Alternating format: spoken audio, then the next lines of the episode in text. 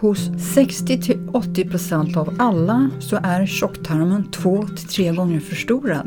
Tarmen är, den är ju vårt center, det är vårt näringsupptag, det är bukkärnan, det är vårt emotionella center. Och sen går 80-90% av kommunikationen från tarmen och tarmfloran upp till hjärnan. Hej och välkommen till For Health med Anna Sparre. Idag pratar vi om tarmen och vanliga besvär såsom förstoppning, tarmfickor, parasiter, IBS och förstorad tarm med Dr. Sanna Edin. Vi pratar om varför det uppstår och Sannas personliga erfarenheter och samlade efterforskningar kring vad som fungerar för att lösa de här besvären. Och om sjuka tarmars koppling till ohälsa. Vad har egentligen inkontinens med förstoppning att göra? Vad är kopplingen mellan bihåleproblem och tarmen? Vad är tarmstenar och kameltarm för något? Varför lider så många av förstorad tarm och vad innebär det? Hur fick Sanna själv ordning på allt från förstoppning och IBS till parasiter? Vad är lavemang och hur gör man det? Hur påverkas tarmfloran av mobil och wifi? Detta och massor med annat avhandlas i avsnittet. Och allra största vikt ligger på Sannas råd kring vad man faktiskt kan göra själv. Sanna är en av Sveriges absolut första och största hälsopionjärer. Hon har bland annat doktorerat inom immunologi och skrivit 16 böcker om kost och hälsa. Hos aroniabutiken.se hittar du den polyfenolrika aronian i form av bland annat torkade bär, pulver och juice. Aronia har många spännande effekter på hälsan och används traditionellt för hjärthälsa, blodsocker, immunförsvar, mot inflammationer, IBS med mera. Aronia-butiken säljer även vattenfilter och annat för hälsa. Kod SPARRE ger 10% rabatt på allt på aroniabutiken.se. Super Symbiotics kosttillskott är en blandning av probiotiska bakterier och kostfibrer där fibrerna fungerar som matsäck till bakterierna på deras väg ner till tarmen. Om det och mycket annat lär du dig i podcastavsnitt 320. Super Symbiotics har skapats av professor Stig Bengmark och är baserade på 20 år av kliniska studier. Koden SPARRE10 ger 10% rabatt på Symbiotic om du beställer det på supersymbiotics.se. Jag finns på facebook.com forhealth.se och på Instagram som asparre. För att kunna producera en gratis podcast så behöver jag din hjälp att hålla den synlig. Gilla inläggen när de dyker upp i sociala medier och dela gärna med dig av avsnittet i en Facebookgrupp, på Instagram och till vänner och gå in och lämna din recension av podcasten i din podcastapp. Tusen tack! På forhealth.se kan du även anmäla dig till nyhetsbrevet som kommer ungefär en gång per månad. Välkommen Sanna! Tack! Till Kåseberga idag! Ja, det är gudomligt vackert här. Och det är fantastiskt att ha dig här idag. Tack! och idag så ska vi ju prata om tarmen. Yes och lite specifikt om förstoppning. Det svarta röret. Just det. Men mm. också om allt från divertiklar till kopplingen mellan tarmen och en hel rad andra besvär. Precis. Du nämnde lite statistik för mig när vi bestämde varför ämnet är så viktigt. Mm. Berätta mm. lite om den statistiken. Ja, jag blev väldigt förvånad när jag hörde det själv, men det var en obducent i Australien som då ja, skär upp och tittar i och diagnostiserar eh, dödsorsaker och annat hos avlidna personer. Och hon sa att hos 60-80% av alla idag, från småbarn till gamlingar, så är tjocktarmen två till tre gånger förstorad. Och det är ju verkligen allvarligt, också med tanke på att tarmcancer och koloncancer, äh, förlåt, eh, tjocktarmscancer och rektalcancer är det som ökar mest nu. Och det ökar mest i 25, 30, 35 årsåldern. Så jag som, de som är 60 plus har inte alls lika mycket av det. Mm. Så att um, tarmen är oerhört viktig. Jag är immunolog i, i början och det är ju så att 80% av immunförsvaret är ju runt tarmen i bukhålan därför att i, när vi äter och i själva tarmen utsätts vi för mest störst andel främmande ämnen. Och sen går 80-90% av kommunikationen från tarmen och tarmfloran upp till, alltså nervkommunikationen upp till hjärnan. Så att det har i allra högsta grad psykisk påverkan och inverkan vad vi äter och hur din tarm mår. Och det är viktigt att få fram det. Så att eh, jag menar att tarmen är den, den, är ju vårt center, det är vårt näringsupptag, det, eh, den har, eh, det är bukhjärnan, det är vårt emotionella center. Vi kan lätt stoppa undan känslor där av rädsla, oro, frustration, ilska och då på, försämrar det ju näringsupptaget också. Mm. Men, det, men, vad innebär det egentligen att, att den är förstorad? Alltså vad... Den är uttänd två till tre gånger, vilket innebär att uh, du behöver dels tömma den och dels krympa den för det är ohälsosamt. Och vi ser ju runt omkring i många stora bukar och där är det både svullnad och inflammation kanske även uttömd tarm. Och det är ingenting som, alltså det är för få som pratar om de här sakerna. Jag vet när självläkande människan, när jag kom ut med min första hälsobok 99, då hade jag alltså ett kapitel om tarmen, tarmens hälsa. Och det var inte, en, inte någon som pratade om det då. Det var tabu, det som var mellan halsen och underlivet, det var helt tabu. Men jag hade skrivit kapitel om tarmen, så vi måste få upp tarmens hälsa och välbefinnande på agendan. Därför att så fort du har problem, sjuk, vad den är, allergier, känsligheter, och, gå till tarmen.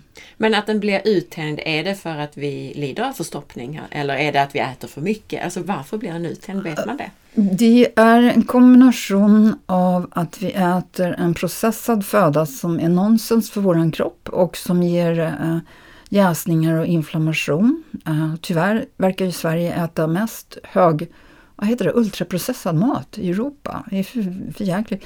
Antibiotika pajar tarmfloran. Gör sen, det att den blir uttänd då? Uh, nej men det är ju också om man stressar och inte har tid att gå på toaletten, ja då får du ju stanna kvar. Då? Och sen kan, alltså det som gör att den blir uttänd är att man dels äter för mycket, man kanske inte tömmer tillräckligt och sen så ingår det, där jag introducerar ju vattenfasta och fasta protokoll och så. Mänskligheten i alla tider har tagit matpauser, har lagt in fasta utan föda och nu har vi blivit, det här med att äta, eh, tre mål om dagen och mellanmål. Alltså i USA så äter de, eh, amerikaner i snitt 15 till 23 gånger per dag. Det gör att det blir en uttänd tarm. Mm. Det blir stress, tarmen och matsmältningen får aldrig vila, du hinner inte rensa ut, du hinner inte städa. När storstädade du ditt hus senast? Och då inkluderar det tarmen. Och du sa också till mig att 60% har problem med just förstoppning, IBS och SIBO och så vidare. Jag har problem med, exakt, det, det var um, alltså, än så länge har man ju mest gjort alltså att folk får rapportera själva. Och det har gjorts undersökningar om det här med kronisk förstoppning, förstoppning och det är väldigt hög andel. Och postfertilt hos kvinnor är det enormt hög andel med förstoppning. Och det är ett problem, därför har du kronisk förstoppning så ökar enormt risken för att du ska få inkontinens. Så då måste man börja med att lösa själva förstoppningen. Sen kan man eh, få ordning på allt där nere. Så ett högaktuellt ämne som vi pratar om, verkligen. ja. Mm. Och du berättade också för mig att du har fått ordning på din egen mage. Ja, och då ska jag säga också att, um, att man ska sluta jämföra sig med andra här. Um, vi har någon konstig tanke om att man ska äta på ett visst vis. Men då säger jag så här, rosa skor storlek 40 passar inte alla.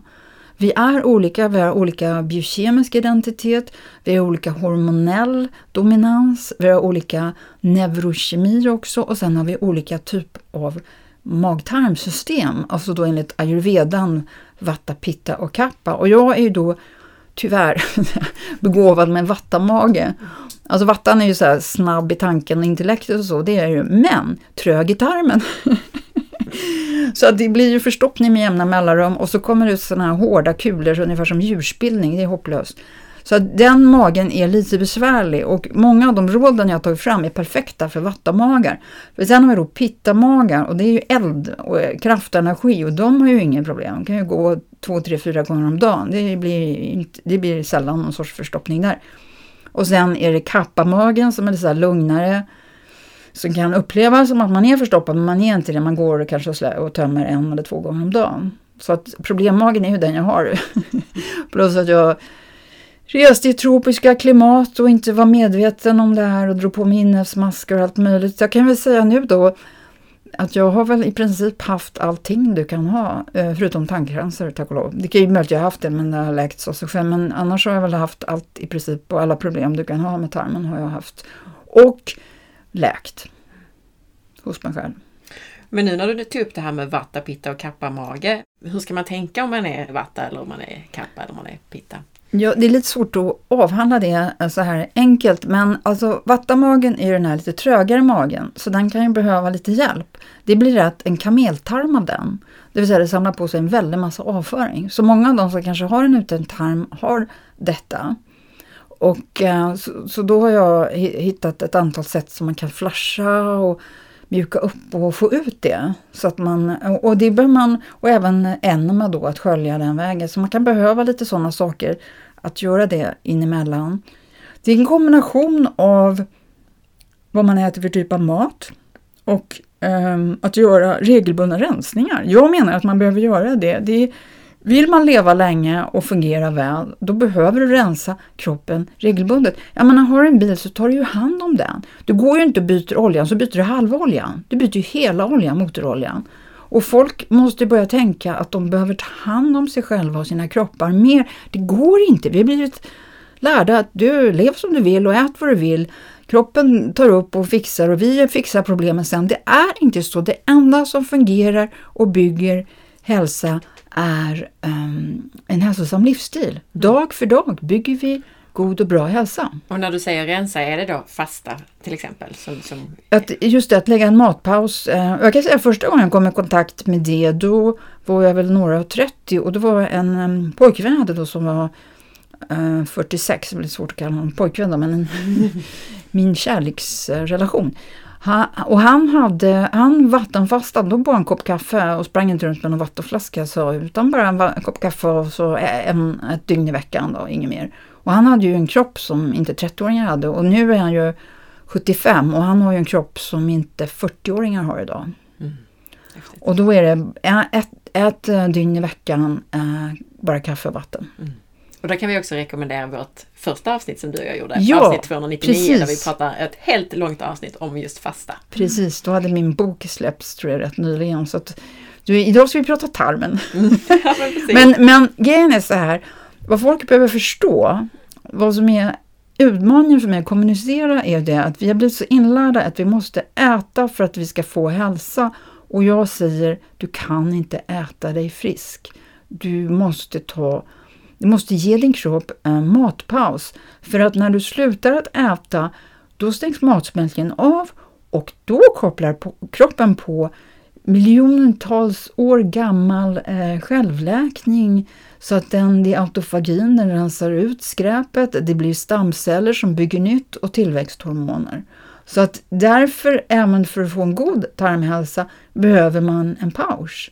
Och bara genom att skippa och äta en dag kan du komma igen. Det gäller ju förstås inte om du har eh, ätstörningar eller om du har, är väldigt allvarligt sjuk eller om du har eh, eh kraftiga näringsbrister och sånt. Fast det här gäller, nu pratar vi ju om i, i princip hyfsat hälsosamma, välmående personer när, vi, när, vi, när jag ger alla de här råden. Jag, pratar, jag ger inga individuella råd, jag ger inga kliniska råd och jag vänder mig till eh, hyfsat medvetna människor.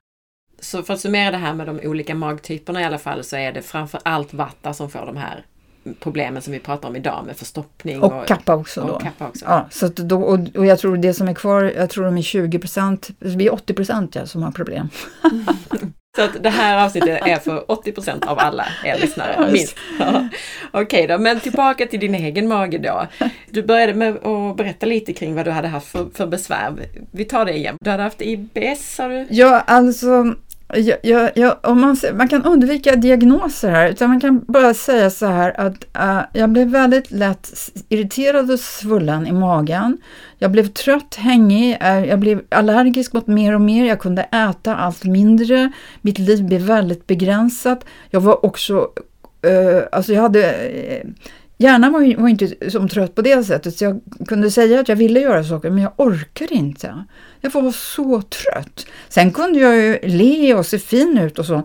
Men det alltså kom till den nivån. Jag började fasta, men med juicefasta och så, därför jag upptäckte att ju mindre jag åt, ju bättre mådde jag. Därför att jag hade mask, alltså, ungefär 80% av min tarm var täckt av mask. Det var helt jävla vidrigt. Jag har massa bilder på allt som kom ut. Det tog ju liksom ett och ett halvt år att få ut all den. Eh, för att jag visste inte, nu, idag vet jag att man kan liksom fixa sånt på ganska kort tid. Men jag visste ju inte det då. Hade, det var ingen som kunde, alltså det är få som kan någonting om det här seriöst eh, fortfarande, men jag kan en hel del. så att, i varje fall då, då, så det blev precis IBS och sen så hade jag upptäckt att jag tål inte alkohol, jag tål inte jäst mat, jag tål inte det och det. Så jag hade redan begränsat. Sen så upptäckte jag att det fanns något som hette histaminintolerans och det var ju det jag hade. För jag hade för mycket histaminer. Men vad jag, alltså det är så roligt, man kommer liksom sist till det som är viktigast. Jag, jag hade ju SIBO. Så, och SIBO ser man därför att då under bysten då, eller där, där under det där reben, då, då är det som att det ligger en, en brödlimpa där. Det är alldeles svullet. Och hur jag än gjorde situps och tränade och så, så kunde jag inte bli av med den. Jag visste ju inte vad det var innan då. Va? Men då var det överväxt av bakterier i tunntarmen. Och det visar forskning nu är kopplat till metabolt syndrom, till sjukdomar, till endometrios. Så det är av största vikt att åtgärda det här. Så jag säger nu, och det här är väl förstås lite mot um, jag säger ta ingen probiotika Eh, inga kapslar och alla sådana grejer. Därför att probiotika ska du ta samman med mjölksyra och fibrer. Det ska du ta som eh, surkål, syrade grönsaker eller yoghurt med granola. Alltså fibrer och du ska ha mjölksyra. Du kan inte ta bara bakterier. Därför att de, alltså, du har ju massor av näring i tunntarmen där. Vad ska de vandra 4-5 meter ner till tjocktarmen? För det gör de inte, de stannar ju där. De stannar ju där näringen är. Så att jag, gör, jag tar ingen probiotika. Däremot så tar jag, öppnar en kapsel, tar lite vatten och så tar jag in det rektalt. Då går det dit det ska liksom. Och vi kan bara definiera, SIBO står ju för Small Intestinal Bacterial Overgrowth, alltså att det har ja, det. överväxt av bakterier på fel ställe, för högt upp i tunntarmen. Ja, i tunntarmen. Alltså det, tunntarmen, jag tycker alltså tunntarmen är ett väldigt dåligt begrepp. Det är näringstarmen. Mm. Där ska näringen tas upp. Vi ska mm. tugga maten, mat, matsäcken ska med eh, lågt pH och annat och vi har saliv med enzymer ska börja spjälkas, brytas ner. Sen kommer det juice från eh, bukspottkörteln som ytterligare spjälkar, bryter ner och så. Och så ska näringen tas upp i näringstarmen, den som är tunnare då än tjocktarmen som idag kan kallas för förtjockningstarmen eftersom så många har så förstorad. Så att vi har en helt galen situation där vi då har bakterier i näringstarmen som inte ska vara där. Och sen har vi kanske inte tillräckligt med bakterier nere i eh, tjocktarmen. Så då blir det massa jäsningar och skräp så att den ligger där och sväller och så kommer inte det ut för att folk är förstoppade. Men jag ska säga, det här låter ju lite så chockerande och ganska eh, jobbiga saker som jag säger, men det är lätt att åtgärda. Mm, och det är det vi ska komma till. Det är jättespännande.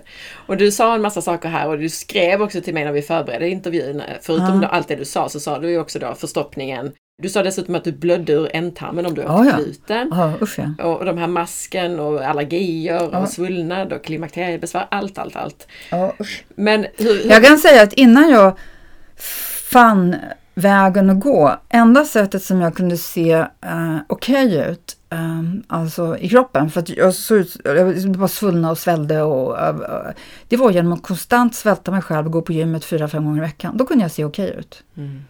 Det låter inte som ett liv det. nej, det blev lite tråkigt. Mm, precis. Och hur visste du att, alltså var det på symptom du gick? Ja, du sa ju också att du såg mask i avföringen, men gjorde du några tester? för Jag gjorde äh, flera tester. Jag fick konstaterat att jag hade äh, flundror, alltså leverflundror och sånt. Det, men jag lämnade ju in, vid två tillfällen lämnade jag in i sjukvården uh, avföringsprov med maskar i och det kom tillbaks negativt. Så att, uh, de tar inte det här seriöst. Så, okay, det är det enda jag kan... Det, förhoppningsvis finns det väl en och annan som tar det seriöst men de gör inte det än. De, de tror att det är ett problem i tropikerna, inte i Sverige. Glöm det därför att vi svenskar reser överallt. Vi har jättemånga människor från eh, tredje världen, tropikländer. Och vi har mat som transporteras överallt. Um, Också så är det ju så när man gör ett sånt här avföringsprov i vården. Många av de här sakerna vi testar och vill testa är ju ojämnt fördelade i avföringen. Så att bara för att vi lämnar ett litet avföringsprov så är det inte säkert att det dyker upp. Ja, sen så gjorde de ju PCR-test på det också va? Ja, då borde man hitta Och då, mm. ja, men ofta är det som så att när maskarna släpper, om de släpper taget och åker ut så är de redan döda och så löser de upp sig själva. De producerar ammoniak och annat. Mm. Och det är det som gör också att du mår dåligt om du inte äter de här söta goda sakerna. Därför de producerar kemikalier som påverkar din hjärna så du ska äta det som de vill ha. Så att när man då ändrar sin kost så blir det ett himla, och så, då blir det himla bråkande och så, eh, så tar de och, och producerar ammoniak och annat som gör att man mår dåligt och då vill man stoppa i sig något sött eller bröd eller något och då blir det snällt och tyst för då har de fått sin näring. De vill ha snabba kolhydrater. Nu nämnde du leverflundror. Ja. Vad är det? Ja, det är en liten, de är antingen 5 mm eller 12-13 mm, lite avlånga, platta. De finns inte bara i levern, de finns även i blodet och de kan finnas lite överallt faktiskt. Och eh, de här, både maskarna eh, och i viss grad leverflundran, det är ju nematoder och det här är alltså de äldst levande komplexa varelserna på jorden. De har funnits här i 300-400 miljoner år. Så de är äldre än vi människor och de är genialiska, de har inga ögon. Men de har, ju, de har ju någon form av nervsystem och medvetande. För de har exakt koll på det här med näring och vad de är och de har ganska komplicerad cykel på hur de reser genom kroppen. Om du sväljer ner, du får ner en, en, sån här, den, den som ungefär som en dagmask, fast, alltså 30-40 cm kan det bli. Då tar det tre veckor innan de blir könsmogna och sen kan en hona släppa 200 000 ägg per dygn. Mm. Men det, detta, detta, är en annan, detta är inte leverflundra utan detta är en annan mask. Det är en annan, ja. Precis, ja. Men den är, och den är den vanligaste, men jag kommer inte på ordet just nu. Men leverflundra, sen är det då som leverflundra, det är ett stort problem inom djurbesättningen. Får, alltså många av de här sakerna är idag ett stort problem inom eh, djurbesättningarna, inom den här storskaliga djurodlingen. Och det drabbar ju oss också. Och sen kan du få, du kan få det via mat, du kan få det via bristande hygien, du kan få det via tropiska resor. Du kan få det i Italien, Cypern, du kan få det överallt. Men hur fick du reda på att du hade detta? Leverflundor? Jag eh, gjorde... Alltså jag är en sån här som inte ger upp. ja, då hade jag varit död för länge sedan. Döden har knackat på ett par gånger. Men jag försökte ju hitta sätt att lösa... Jag visste ju att det var väldiga problem med min tarm. Och så gjorde jag tarmsköljningar, Colonics Och så gick jag på en i Australien och nu pratar vi alltså våren 2018. Det är alltså så pass nära som jag hade massiva problem. IBS och histaminintolerans och SIBO och allt det där. Fast jag hade ju inga beteckningar, jag visste ju inte det då. Men då gjorde jag den här äh, med vatten och på slutet så gjorde det så ont så det var som att föda barn. Och då tänkte jag, nej, nu är det något som inte, nu är det något rejält illa här. Så jag åkte till en hälsokost där de har sådana naturopaths. Och så sa jag, för jag hade någonting i huvudet med jag ska ha jordbakterier. Alltså det är en typ av, ja, nej men prova det här örtpulver sa hon, så provade jag det. Och det var otroligt effektivt, men det värsta var ju att jag, det både dödade och förde ut masken. Så att när jag gick på toaletten så såg de var döda va, men jag såg ju, jag tar bild, jag, jag såg ju all mask. Men och var det då du upptäckte leverflundrorna också? Kom de också ut via avföringen? Eh, det kan de göra, men de, de, de kan komma ut via huden, de kan komma ut på lite olika sätt. Men alltså maskarna är ju de som är mest eh, påtagliga. Så att du har upptäckt allt visuellt, att du har sett de här grejerna? Jag har mm. filmat och fotat eh, tusentals bilder. Ja. Jag mm. har dokumenterat allting. Jag har en föreläsning med de här bilderna också. Som, jag, som fasteterapeut, jag har en utbildning för fasteterapeut. De får en föreläsning där de får, som handlar om eh, parasitresan, kan man säga det? ja, därför att när det gäller de här sakerna så, så hämtar jag den information jag har utifrån de saker som jag eh, lärde mig och de metoder jag använde. För jag, sen, jag, jag lämnade det örtpulvret efter ett tag, men, men sen så lärde jag mig en massa saker. Och sen är det bara att gå in och läsa på um, doktors, um, vad heter det, hemsidor så står det ju om de här vanligaste mask och parasitinfektionerna i Sverige. Men det finns inga bra sätt att få ut dem och inte så bra sätt att analysera dem heller. Men jag tänker så här Alltså du kan lägga tusentals kronor på att göra analyser. Jag bara skölj ut skiten liksom. Ja, men låt oss komma till det nu. Vad har du gjort nu då för att läka och bli av med alla, både de här symptomen och framförallt mm. de här maskarna tror jag många är intresserade Ja, alltså jag tror egentligen att det här är uråldriga klassiska metoder för att jag började också då, nu ska vi se, när det var 2019, sommaren, så började jag göra saltvattenflasher. Och det stod ju på nätet ju, som det var ju två, tre teskedar havssalt i en liter vatten och så dricker man det på en kvart, 20 minuter. Lägger sig på ena sidan, försöker att inte rapa och kräkas eller något för det känns lite konstigt i början. Nu är det inga problem, jag är van med det och jag, jag, jag mår bra av det. Men och sen så då så, så kopplas njubrarna ur och så bara flashar det tarmen. Så det är ju ute på mellan en till två, tre timmar då. Då har man tömt tarmen. Så då kan man ju också se en hel del eh, kanske. Mm. Man får rota runt lite. Och just det, det här. Men varför det? Och sen behöver du örter. Men alltså de här grejerna, alltså eh, malört, eh, eh, vad heter det nu, eh, kryddnejlika och eh, svart valnötsskal Eh, alltså, många av de här medicinalörterna och det som är nubben och sånt, alltså det är ju såna örter som har funnits med länge, pors och sånt. Alltså det, det, är ju, det är ju beska, bittra örter. Maskar och sånt, de vill inte ha, de vill ha mysigt och gosigt och de vill ha lite så puff-puff och glass som jättegott och då trivs de. Men de vill inte ha beskt och bittert och så. så och salt hatar de. Och de hatar högt pH eller lågt pH. Så det är bara att, att det är bara att köra på och, och, och blir det ingen bra miljö då lämnar de ju. Mm. Jag ska bara säga det, det här som du tog upp nu lite kort, det här, eh, det, du pratade om det här saltvattenflashen, ja, det. det pratade vi om i avsnitt 299, Exakt. så om folk vill veta det i detalj så har ja. vi det där. Och sen så sa du det här också lite snabbt att njurarna kopplar, kopplar från, så du menar då att då spolar vi igenom tarmen istället för att ja. går via urinvägen då så att säga? Det, så, mm. exakt, absolut, det kissar ingenting. De, njurarna kopplas ur för att njurarna vill inte ha givetvis ett sånt saltvatten, det skulle ju skada dem. Va? Utan, eh, alltså kroppen är vår kropp den är inte 40, 50, 60 år gammal, den är miljontals år gammal. Den är otroligt intelligent och begåvad.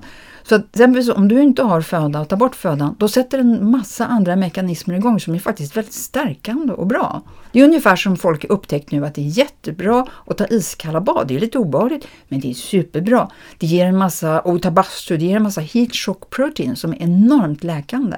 Mm. Så vi är redan designade för bästa hälsa och läkning, men vi behöver använda det. Och en del kallar det här för biohacking då, va? men jag kallar det för biosynergism.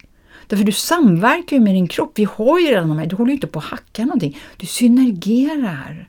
Bli din egen bästa vän, lär känna din kropp. Och jag kan ju sitta här och berätta en massa, för jag har ju jag är ju forskare och jag ger inte upp och jag har lärt mig fruktansvärt mycket för att jag var tvungen för att kunna läka mig själv.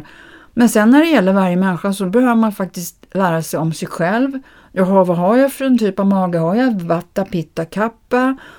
Har jag, har jag svullnad? Alltså om man har svullnad där under bysten eller där, då är det ju vanligen sibor. Svullnad längre ner så det kanske kan det vara innesmaskar. Alltså det, men jag säger, det, det, man kan ju gå och försöka analysera det på olika sätt, frekvensmedicin och lämna prov i sjukvården och sen kan man lämna ja, det är avföringsprov och sånt, men det är inte så stor sannolikhet att man får så bra resultat. Skölj ut skräpet så, och börja om liksom. Det är det bästa. Så det du gjorde var framför allt den här, en sån här saltvattenflash och använda örter? Just det, precis. Det var det jag gjorde. Och sen har jag också använt eh, frekvensmedicin för att de här eh, maskar och sånt, de kan ju lägga ägg som kan ligga inkapslade och, och kläckas ett år senare. Så, så det, har man väl haft en massiv infektion som jag tyvärr hade från att ha rest i Mexiko, Samoa, jag var på Fiji, blev jag hembjuden för jag var, jag var i kyrkan och så ställde jag mig upp och pratade för dem och sa att även, för de är så fattiga där, så sa jag, men de är, de, de är fattiga i pengar, de har inga bilar, de har, ingen, de har inget materiellt, men de har kärlek och familj och varann. Så jag ställde mig upp och sa det där. Så blir prästen så himla rörd så jag blir medbjuden på en på liksom högtidsmiddag sen efteråt så sitter jag där på golvet i en hydda och äter deras mat och tänkte det här är nog inte bra. Nej, det var inte det. Klart jag drog på mig en fruktansvärd massa eh, parasiter och mask där. Mm. Men man lever och man lär. Men det är ju inte värre. Alltså, här, det var ju en australiensisk forskare och läkare som upptäckte det här med magsår, Helicobacter pylori, att det var en bakterie. Han var ju utskrattad, han var ju förlöjligad när han säger att det var en bakterie som ger det. ingen, alltså, men medicinska etablissemanget är ju så. De är ju hopplösa. Det tar 30-40 år för dem att tänka om. Men han, till slut så, så tog han ju svalde ner Helicobacter pylori och fick magsår diagnostiserat. Och sen så tog han antibiotika och så blev han av med det. Sen fick han Nobelpris. Precis, det är så det funkar. Det är så det funkar. Du brukar prata om tarmen som ett svart rör. Vad menar du med det? Eh, när jag började forska, eh, eller valde vad jag skulle forska med i början av 80-talet, så valde jag på hjärnan och immunsystemet. Och båda två var lika svarta boxar. Och immunsystemet på den tiden, det var att man hade ihjäl en mus och så eh, klippte man upp den och så tog man ut eh, mjälten eller thymus. Och så mosade man det genom en tesil. Och sen så odlar man det i en flaska. Det var så man bedrev eh, immunologisk forskning på den tiden. så det var väldigt, det var väldigt, alltså immunsystemet då var en svart box. Hjärnan var också en svart box här. Nu pratar vi alltså början av, mitten av 80-talet. Men sen tog det en väldig fart. Um, och sen kom ju genmetoder och man upptäckte faktorer och sådana saker. Så att nu då, det, jag är ju en explorer. Jag gick ju på immunförsvaret därför jag vill jobba med saker, jag vill utforska, jag är utforskare. Så att det, på något vis, alltså jag kan ju inte säga att jag har valt det här med tarmen. Alltså jag har ju varit tvungen för att bli av med mina problem. Jag jag, varför, varför blev jag immunolog, sysslar jag med hälsa? Därför jag avskyr att må dåligt och ha ont. Jag tycker så illa om det. och så fick jag alla de här tarmproblemen, ja då fick jag ju ta reda på att lösa det. Så att det, det är den vägen. Och sen är det svarta röret därför att folk tror, det är igen de här rosa skor, storlek 40. Folk verkar tro att det är liksom ett, ett rör, som är så bara, ungefär som en trädgårdsslang, va? som är jämn och fin och slät och allt. Men nej, där kan det vara utbuktningar och, och det kan vara eh, alltså alla möjliga saker. Och, och går man in på nätet och söker på sådana här olika scannings och sånt på tarmen så ser man ju bilder på där tjocktarmen, alltså det ser ju helt deformerat ut. Det är förstorat, det är tarmfickor, det är allt möjligt. Och grejen är så här också, för jag har haft jättemycket problem med tarmfickor och så, tarmstenar och annat. Och min hypotes, och man kan inte, man kan inte göra mycket mer än hypotes här, det är svårt att um, bevisa, men det är att om man har mycket mask och så, så de, dels de puttar dem ut i fickor, där lägger de sina ägg och sen stoppar de upp reservnäring också. För jag har ju fått ut sådana, så öppnar jag och så ser jag liksom att det är ägg i dem. Va? Så att de här tarmdivertiklarna som man kallar för kan vara, alltså det är en hypotes, jag vet inte.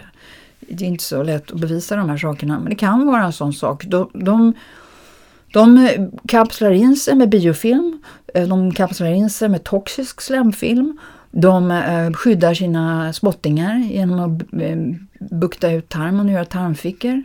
Alltså det är, det är ett förbannat zoo där nere. Det var en senare fråga, men nu kan vi ta det redan nu när du ändå kommit in på det, det här med tarmfickor och tarmdivartiklar då. Först bara, vad är det nu om det var någon som inte hängde med? Vad är detta? Alltså tarmfickor är att det av någon anledning eller någon orsak har en bit av tarmen eh, buktat in sig, så det har blivit en påse, en ficka. Och jag tror inte någon i sjukvården direkt vet varför det här sker. Så jag har ju själv haft det här och jag har haft massivt med inälvsmask. Så jag tror att det är en del av deras processer, äh, detta. Att det bildar sådana? Ja, precis. För jag tror inte att det är för att man har ätit mycket mat och man har för mycket mat som det buktar ut. Det kan det ju vara, tarmvrede eller så, men jag tror snarare att det här är att du har parasiter där. Och det man gör åt det är då samma sak som vi pratade om innan? Ja, saltvattensflasher. Men sen har jag utvecklat en som heter Artemisia-kuren som är ganska enkel. Um, och det var en slump jag upptäckte den. Men att man dricker en eller två koppar malörtste på kvällen och så tar man ett, en eller ett par teskedar fläderbärssylt. Så låt blommorna sitta nu för 17 för att fläderbären är extremt näringsrika och hälsosamma. Och, och immuns, anti, immuns, enormt immunstimulerande. Så tar du det på kvällen och där blir det ju då olika resultat. Men vattenmagar och många får ju fantastiska resultat och då kan jag ju säga att jag hade gjort ett par år saltvattensflasher och så hade jag börjat dricka mm, det här, äh, vi drack ju precis en kopp här nu. Artemisia malörtste. Det är väldigt gott. Det är otroligt beskt och bittert första gången men sen nu älskar jag det. Det är så gott. Och så är det lugnande också. Mm. En, eh, bjöd en ung kvinna på det och hon sa hon, blev, hon hade lite problem, eller hade lite panikångest och lite så stress och så och det bara försvann. Så det är väldigt lugnande också. Men i alla fall. Sen var det då, eh, så såg jag de här eh, fläderbären på trädet och tänkte vad ska jag göra med dem då? Den, mörka bär, det är ju nyttigt. Så tittade jag, ja man kan göra lite sylt. Så jag kokade dem sådär 20 minuter och tog lite stevia. Och så tog jag det då i en yoghurt med lite granola och så hade jag drack min kopp och så blev det en himla oväsen i magen. Alltså det bröta och har sig. För det blir det om, om man har tagit någonting som de här inte gillar, då blir det en himla cirkus där nere. Det låter alltså. Kurrar, brötar, stö, alltså. Och sen morgonen, eller påföljande dag, så kom det ut um, ja, svart dynga. Alltså. Och, så då var det ju tarmfickor och annat, för att det hade ju inte åkt ut um, annars. Men så gjorde jag det ett par gånger, så minskade det här svarta och sen är det borta. Och jag tror jag faktiskt är helt av med tarmfickor nu. Så att du gjorde saltvattenflash och du använde olika då örtpreparat, ja. bland annat, eller preparat, du använde ja. rena örter, malört och ja. fläderbär framförallt. Då. Ja, just det. Jag kan säga de här protokollen, det här har jag samlat nu eh, i en onlinekurs. Jag har pratat in halva fasteboken så att man kan lyssna på den och så har jag då samlat de här protokollen där. Så att man kan liksom ladda hem och kolla på det. Perfekt. Mm. Ja, så att om man inte hänger med i allt här så kan man göra det. Nej, så jag tänker nu, jag förstår att det är många termer och så blir man så rädd och det var som när jag blev intervjuad av Alexander Pärleros i Framgångspodden. Han blev så jag vill bara ta fram en kniv och sprätta upp och ta ut masken så. så man kan få bli så lite stressad, men gud, tänk om jag har mask. Men grejen är så här, alltså har man det så har man det. Och de är tysta, de gör inget väsen av sig. Så att, alltså, om, om, om du har det så förändras ingenting om du går och lägger dig och sover. Alltså det, ingenting händer. Va? Det som händer är ju när man börjar sätta och bli av med dem. Då, då kan det bli lite kämpigt. Men det är därför jag har utvecklat metoder så att man enklast möjligt snabbast kan bli av med dem. Mm. Och jag menar de flesta som får diagnosen tarmfickor, då, då är det ofta för att det har blivit, så gått så långt att det har blivit inflammerat och man får mm. väldigt ont och kanske ja. till och med feber och så åker man in till, till vården ja. och så får man reda på det. Men det är många andra som går med det. Ja, ja det här är jättevanligt. Alltså det här som jag pratar om, det är enorma stora, många lider i tysta. Förstoppning är ett jätteproblem. Alltså det, det här är det här, det här är liksom lite sådär det onämnbara. Och inte går man pratar om sin inkontinens eller förstoppning och så, men det här är ju jätteproblem ju. Och en annan sak om de där bittra örterna som malat och så, det är ju extremt effektivt mot sötsug. Att äh, äta Just mer bittert, det är jätteeffektivt. Ja. Men alltså egentligen är det där att lite vända på det, därför att allt är egentligen Eh, vi, vi, har naturligt massa bitterämnen. Morötter var ju egentligen väldigt beska och bittra och så har de förädlats så att allt är sött. Allt ska bara vara sött och gott. Det är liksom så här, tivoli, kalaspuff, eh, mysmys, gosglass hela tiden. Och, och det går ju inte därför att du matar ju bara parasiter. Mm. Du matar ju inga friska processer. Och socker och, och stärkelsesirap och alla de här sockerarterna, det är ju elefanten i vardagsrummet. Det är ingen som säger det rakt ut, men en hög sockerkonsumtion, alltså den ligger ju i snitt på sötsaker och socker och så, på ett kilo i veckan. Det är kopplat till alla sjukdomar, inklusive för tidig död. Mm. Och det är intressant det du säger att allt är förädlat där också. För det, ja. det märker jag också, för jag brukar ju så här, låta folk smaka på alla ogräs som jag plockar, killskål och annat. Och så säger oh det smakar bitter tycker folk. Mm. Ja men det är inte så konstigt för det enda de köper i affären är ju förädlade morötter och tomater ah, och liknande. Så där allt, precis ja. som du säger, smakar Nu köpte jag en, en diver mm. och det, alltså, det är ju lite, tror jag, bäst om. Och jag är så, åh, oh, jag tycker det är så gott nu. Mm. Jag vill ju ha bäst. Jag tycker inte om sött alltså. Nej men det är också, apropå det du sa, att ah. du, där har du ju de här bra bakterierna som signalerar till din hjärna att, ja, att Precis, det är så man vet att det är mm. bra i, i, i magen för att, för att den vill ha, um, alltså tarmfloran och så. Ja. Och uh, nej men så att grejen är, det du, så här, det du stoppar i munnen producerar hormoner som är med i två månader. Din kropp är som en dator så tillvida att input bestämmer output. Mm. Och när du ändrar vad du stoppar in i munnen så ändras alltså resultatet ganska fort. Men då har vi ändå byggt biokemi, hormoner, enzymer för två månader. Så man måste ju liksom ge den två månader. Men när du då sätter igång och flashar och gör lite av de här sakerna och är liksom lite effektiv och lägger in lite matpaus, sådana saker. Då kan du få resultat fort.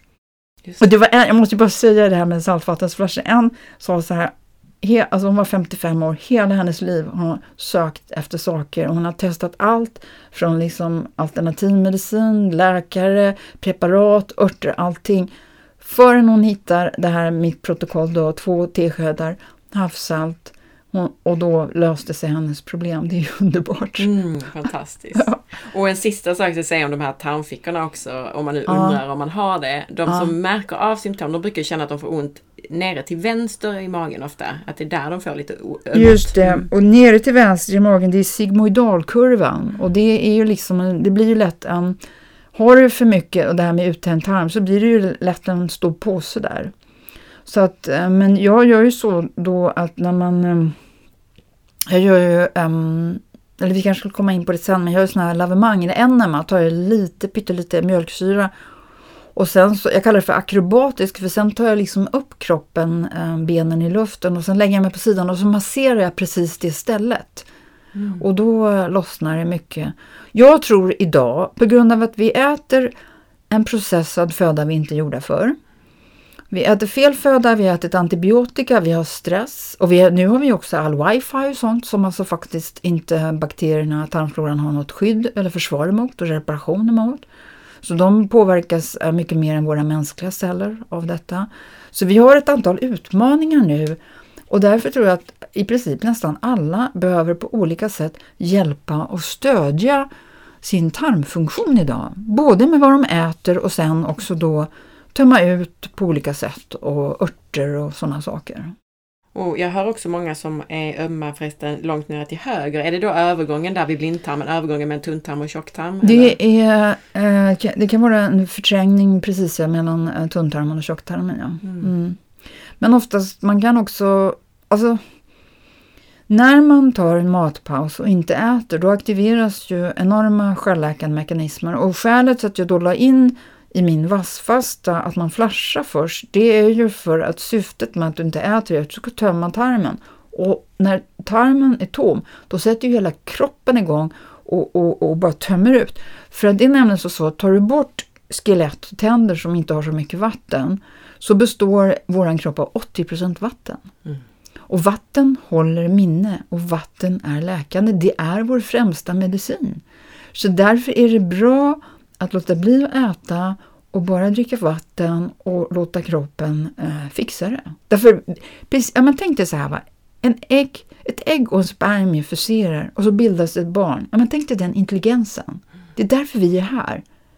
Tror inte du att din kropp har en enorm intelligens och läka sig själv om vi faktiskt kommer ifrån bara två små celler som av att eh, pappas spermie och mammans ägg fuserade. Och sen är det så lite roligt faktiskt att ägget är större, det är det, är det som har generna för mitokondrierna, för det ryms inte i spermen då. Så att, och mitokondrierna står för energiproduktionen i vår kropp. Så att energinivån, energiproduktionen för mänskligheten hänger alltså på oss kvinnor. Och att vi eh, innan, i fertil ålder ser till att ha en bra och hög och god hälsa. Därför att det går vidare till nästa generation.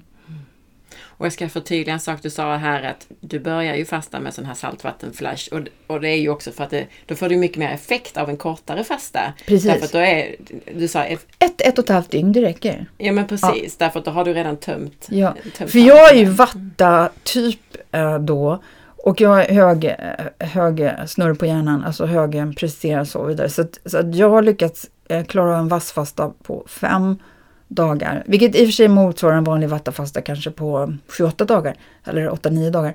Men eh, jag klarar inte mer, medan andra klarar liksom en vattafasta en eller två veckor, inga problem. Men de har kappa eller de är långsammare. Så, att, så därför så gillar jag att göra så här kort ett, ett och ett halvt dygn och så upprepar du liksom en gång i veckan, en gång i månaden. Sådär. Mm. Det, är- det är mycket mer effektivt för då blir det inte så jobbigt heller.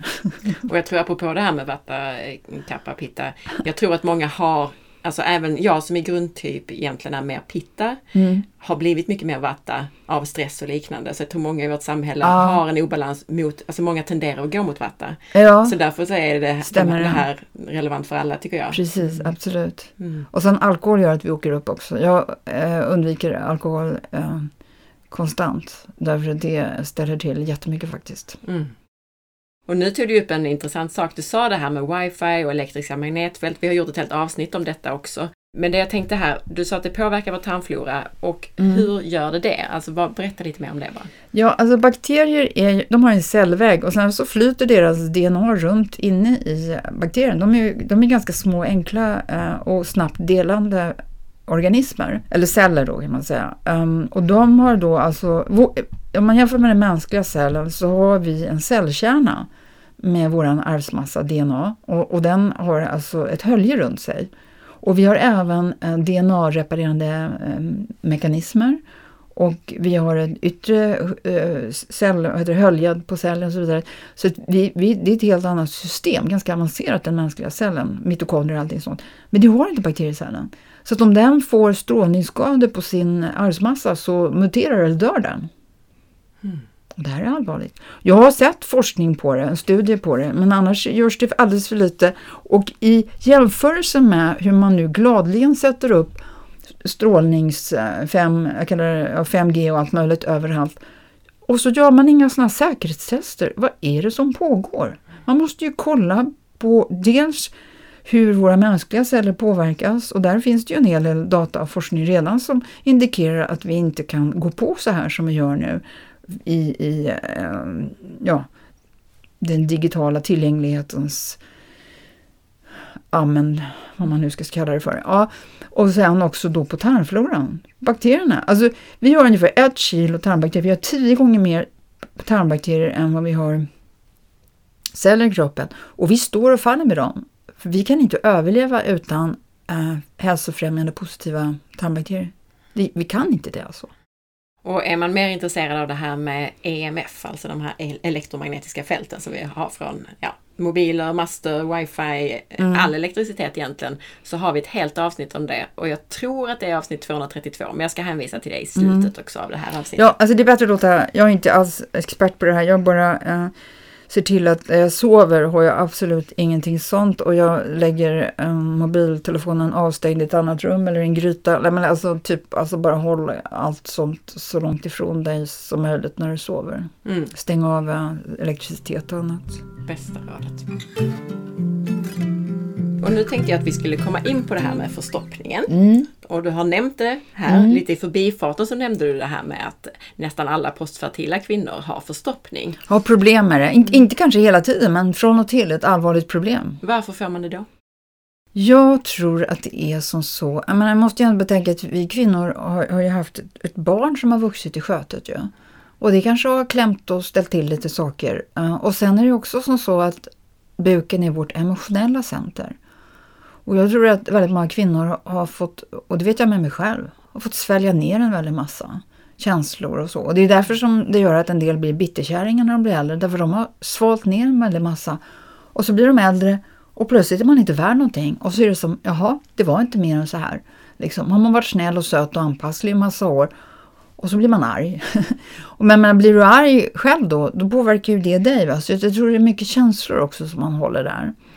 Så att jag tror att man måste, att man behöver börja ge mycket kärlek till sin mage, sin buk. Och sen har ett kvinnor en tendens att äta mycket mer sött än vad män har. Män vill ha salt och, och öl liksom. Eh, ehm, så medan kvinnor, vi kvinnor vill mer ha sött, det är väl bättre för våra hormoner eller något sånt. Så att man kanske ja, har ja, lite fel tarmflora och sådana saker.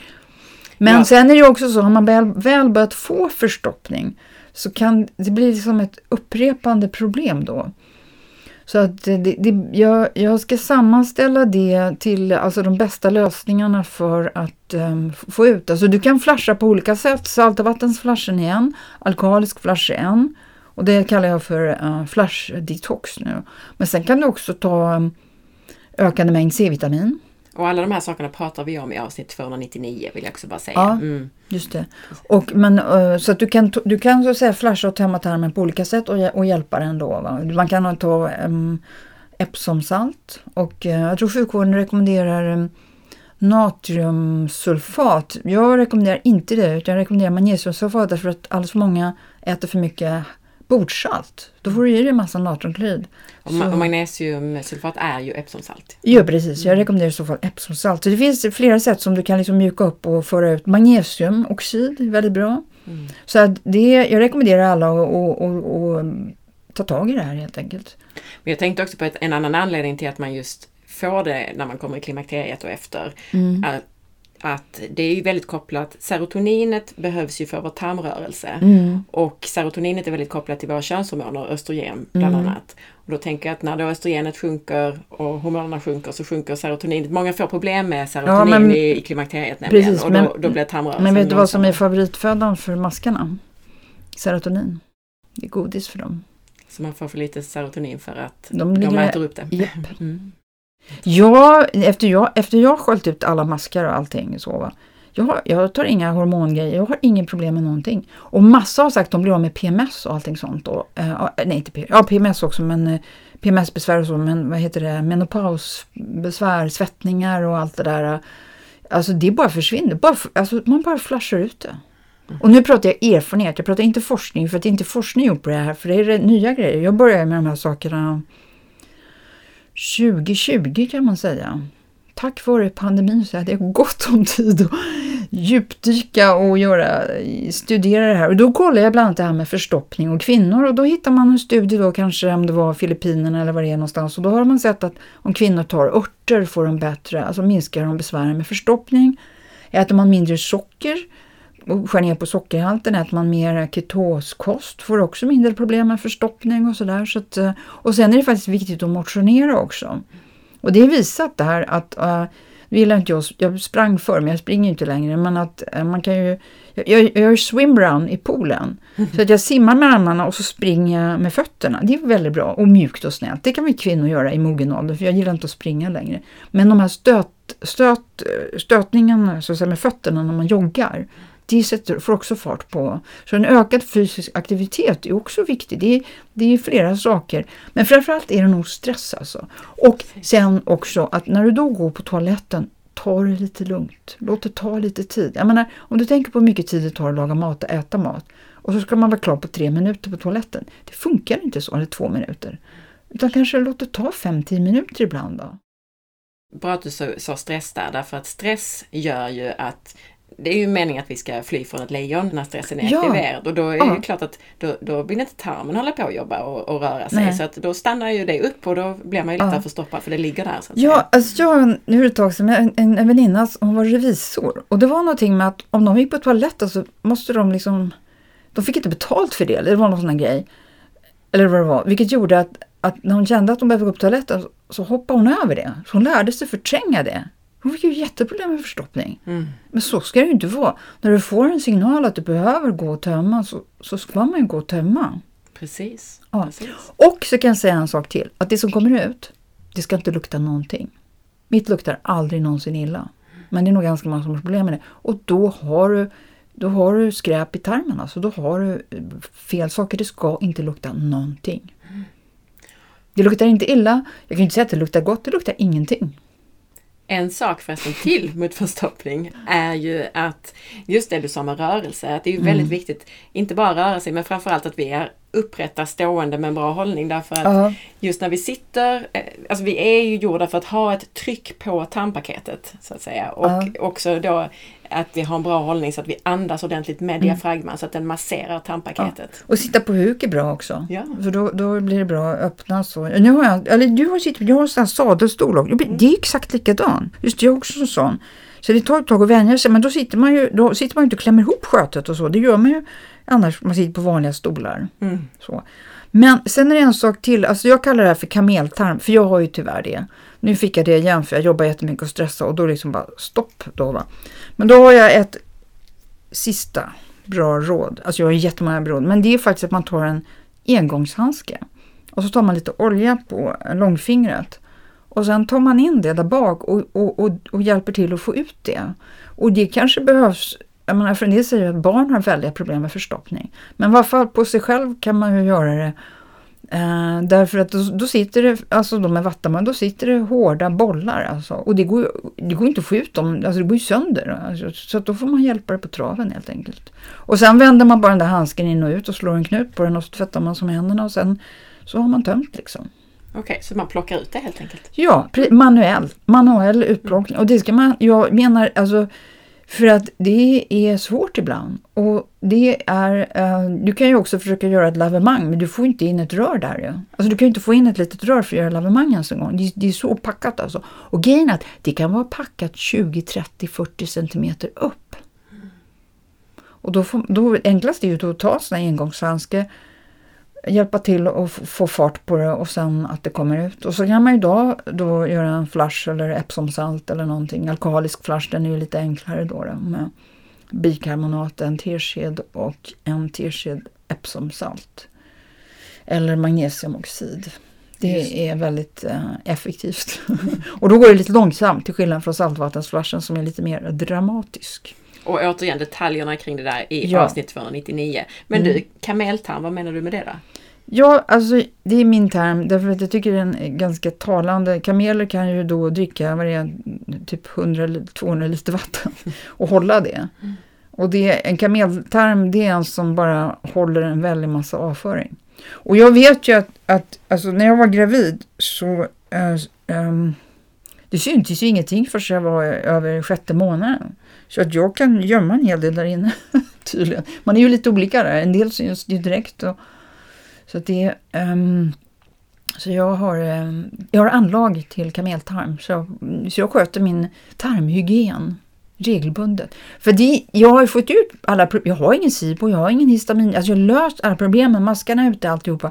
Men man, man måste hålla det eh, igång. I varje fall då, med, jag är ju 62, så det, allting går ju långsammare med åldern så man får hålla det igång. Men det fina är ju att sköter man de här sakerna så kan man leva, alltså forskning visar att om du har en hälsosam livsstil och så kan du bli 100 år gammal och ha en kropp och en hälsa och en stamina som en 40-åring.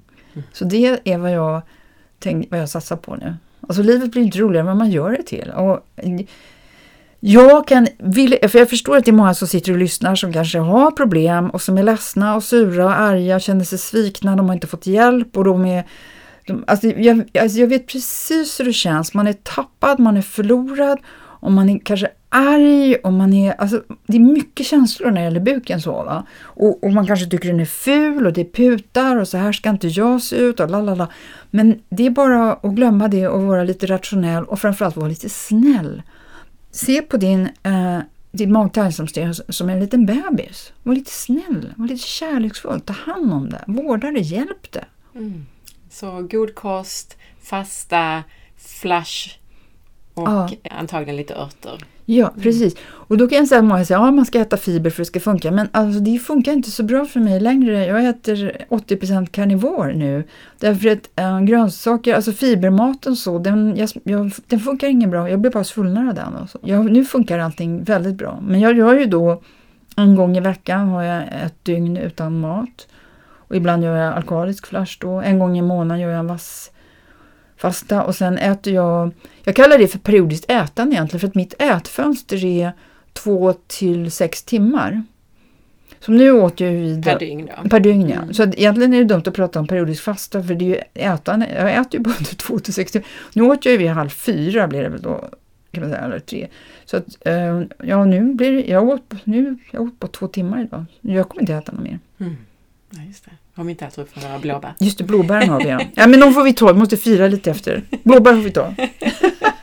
blåbär är bra. Blåbär är faktiskt en som, sak som är väldigt bra både om man har diarré eller om man har uh, förstoppning. Blåbär är bra för båda grejerna. Just det, det normaliserar. Mm. Mm. Och sen ska jag säga diarré också för att um, där var det en um, väninna som hade det. Och jag, jag säger till mina vänner, hör av er till mig med en gång om ni har problem. För att då måste man ta aktivt kol och sen flasha. Och hon gjorde de här grejerna. Och hon blev av med problemen på ett par dagar. Och så hade hon haft problem i två, tre veckor och inte frågat mig. Nu har du ju nämnt det här med lavemang ett antal gånger. Alltså för en människa som mm. aldrig har gjort ett lavemang. Enklaste formen, hur gör man? Använder man vatten eller? Ja, enklaste formen är ju vatten. Och så får man ha en behållare och så får man ha ett litet rör. Och det är lilla, en plaströr, mjukt plaströr. Och det är lilla, en, en lång slang då kan man säga. Och det för man in ehm, um, riktalt och så häller man vatten i behållaren. Och sen så, så um, om man är i badrummet och ligger ner på golvet exempelvis så har man, sätter man behållaren på um, handfatet där då. Så att då är det själva uh, höjdskillnaden som gör att det rinner ner då. Men jag är ju en potentierare alltid. Jag ska alltid optimera saker och skynda på grejer. Jag är otålig typ. Så att om man tar i en aning eh, Eh, bikarbonat eller eh, pyttelite eh, mjölksyra. Mjölksyra är faktiskt riktigt otroligt bra för kroppen. Så bryter det upp toxisk biofilm som taskiga bakterier gömmer sig bakom och toxisk slemfilm. Jag kallar det för toxisk därför att det inte är främjande för kroppen. Det är inte så att man dör av att man har det i sig, men det är inte främjande för kroppen. Så att det, då kommer det ut alltså, sjok med de där grejerna. Men, som jag har bilder på. Jag har bilder på allting. Precis. Men bara nu, tog du upp ett par begrepp till här. Biofilm, ja men precis, det är ju sånt som skadliga mikrober framförallt bildar ju där för att skydda ja. sig själva. Därför att vi tror att bakterier flyter runt oss, de gör inte det, de bildar samhällen. Och sen skyddar de sig med ett hölje, det är precis som vi. Vi, vi bildar samhällen och så, och så bygger vi hus och så skyddar vi oss. Bakterierna är likadana. Men det finns ju massor med äppelcidervinäger är en sån sak som också är effektiv för, alltså om vi nu tar det ja, invärtes. Alltså In, in, inte, det mest effektiva är bikarbonat och mjölksyra. Det finns inget som är så effektivt som det. Mm. Gurkmeja är också bra. Alltså äppelcidervinäger är bra, gurkmeja är bra. Många av de där grejerna är bra men äh, mjölksyra och äh, bikarbonat är dynamite. Alltså man måste vara lite försiktig med doseringen där. Så jag, jag ger ingen doseringar utan jag lämnar det i protokoll senare där, så att inte folk har fel. Mm. Men första gången kanske man börjar med bara vatten då. Är det ingen fara med att bara använda vatten? Är det någonting som kan gå fel med ett lavemang? Nej. Nej. Det är bara att testa? Ja. Mm. Alltså, eller jag försöker tänka, kan någonting gå fel? Är det någon som inte ja, ska göra det? Ja, det kan rinna ut på badrumsgolvet. jag vet inte. Jag menar, alltså, jag menar, så vänta, du har, redan har ett hål i tarmväggen så finns det inget som kan gå fel. Ja. Mm. Nej, och med tanke på att koloncancer, alltså tjocktarmscancer och ändtarmscancer ökar stort så behöver många det här. Därför att när det gäller alla sådana här saker ska man tänka förebyggande. Eh, och och underlätta och hjälpa för kroppen. För alltså våran kropp är designad för självläkning, optimal hälsa. Men vi behöver mata den med rätt information och vi behöver hjälpa den eh, med, med rätt saker. Om man nu redan har koloncancer förresten, är det, kan man jag använda kan, sig av lavemang då? Tror du? Alltså jag kan inte göra några, jag gör inga klin, uttalanden när det gäller kliniska diagnoser eller individuella. Alltså jag tror att man kan räkna ut själv. Om du själv hade haft det hade du antagligen? Ja, så kan jag säga. Om jag skulle ha haft det skulle jag självklart gjort det. Mm. Mm. mm. Men en sak till som är bra um, är att, som jag, jag nämnde i början, att 80-90% av kommunikationen går från tarmen till hjärnan så äh, kan det Det är många som har berättat att de har fått enormt äh, bra resultat med sina olika ja, psykiska besvär kan vi säga. Då. Av lavemang? Av att flasha tarmen, äh, ta lite matpauser och sådana saker. Lavemang, alltså lavemangen påskyndar det hela. När jag gör en dags ähm, fastan då gör jag alltid en laktatenema som jag kallar för, så lite mjölksyra och vatten. Mm. Och det räcker med en halv liter. Alltså det enda som kan gå fel om jag gör enamad är om du försöker trycka in typ två liter. Alltså, då, då blir det fel. Alltså, det, jag tar bara en halv liter. Men toxisk slemfilm nämnde du också. Vad menar du med det? Det är, jag vill du se bilder? ja, men alltså, tänk dig själv att det, att det kommer ut en, en flytande slemhölje. Det ser inget trevligt ut. Uh, så det är också ett sätt att kapsla in sig för man kan ha gästsvampar och man kan ha bakterier och sen eh, finns, ja, det, kan säga, det finns en rad olika livsformer som kan parasitera i vår tarm kan vi säga. Och um, både livs, de här parasiterande livsformerna och deras skyddsmekanismer är både biofilm och toxisk slemfilm. Vad är skillnaden då mellan biofilm och slemfilm? Ja, den är slemmigare. Mm. Men båda är, är höljan på olika sätt. Jag kan, alltså det, det enklaste är nästan att visa på bilder vad som är skillnaden. Därför att det syns ganska tydligt. Kan vi lägga det bilder i avsnittsinformationen? Um, ja, det borde vi väl kunna göra. Om man går på toaletten då och någon får ut liksom lite slem med sitt bajs, är det då sånt? Kan det vara det, ja. Mm. Mm. Absolut. Och sen kan ju avföringen vara på olika sätt. Det kan vara hunda, hårda bollar, den kan flyta, den kan sjunka som en sten. Det, den är ju lite, och det varierar ju hos mig också. Va? Så det, det, varierar, men det ska inte lukta illa och det ska inte vara slem. Men alla, ja, för då är det problem. Men då får man skölja ut dem. Mm.